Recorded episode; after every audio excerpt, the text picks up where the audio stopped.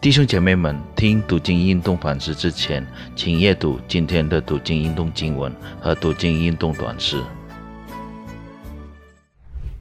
主内弟兄姐妹平安，感谢上帝的带领，让我们今天还有机会来学习他的话语。我们先祷告，亲爱的天父，一会儿我们要学习你的话语。求你赐给我们一颗受教的心，也帮助我们可以明白你的话语。谢谢你，我们祷告是奉靠耶稣基督的名，阿门。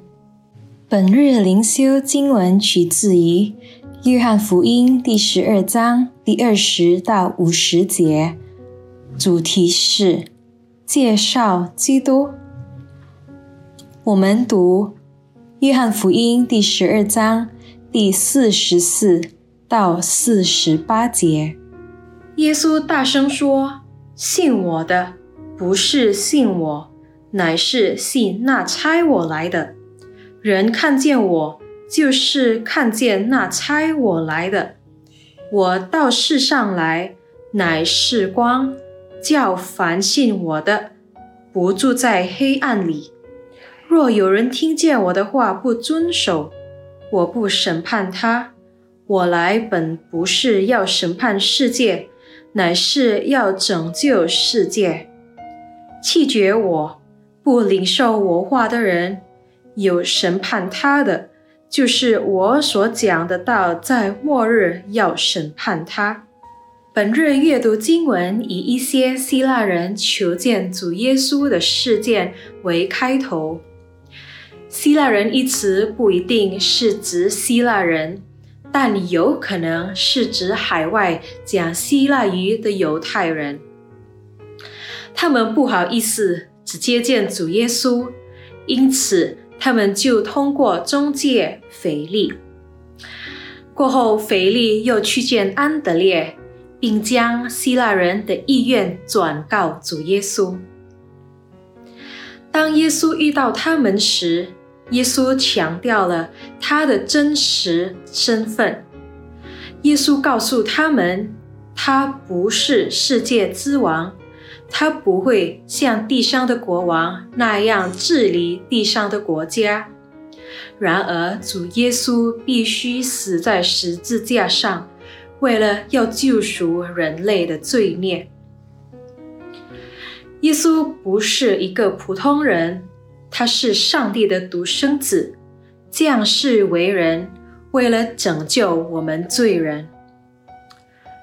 有些人蒙了恩，愿意相信和接受主耶稣为救主，但有些人却无法理解和接受这个真理。他们拒绝耶稣的话，并仍然活在黑暗中。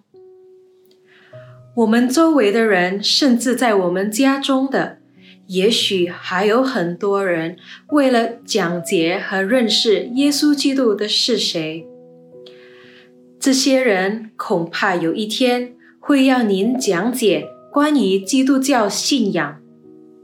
原因是他们认识您是基督徒。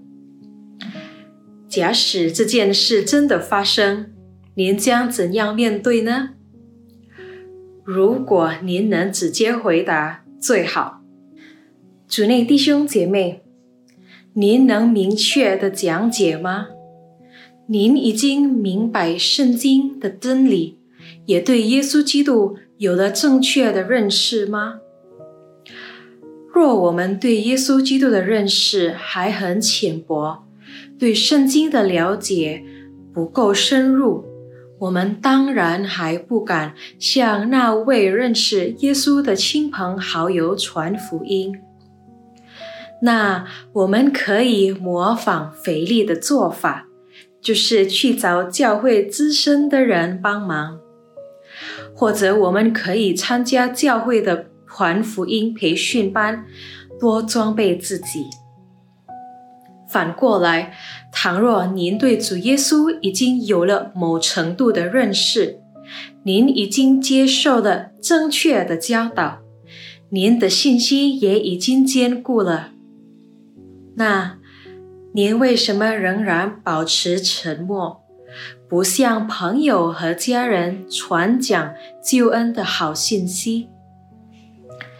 难道看到他们，你所爱的人走向灭亡之路，您不感到担忧和伤心吗？天父在他的话语已经说了，不相信耶稣基督的人肯定会灭亡。弟兄姐妹们，来吧，我们每天好好学习圣经，把福音传给那位听过的亲朋好友，让他们也得着那永恒救恩的应许。上帝赐福于我们。我们再次来低头祷告，天父，我们感谢你再一次提醒我们要更认真的阅读和学习圣经，使我们能够更深的认识你。也求你帮助我们，那已经蒙恩得救的，愿意把福音传给未认识你的亲朋好友，使他们也可以蒙恩得救。求你听我们的祷告，我们祷告是奉靠耶稣基督的名，阿门。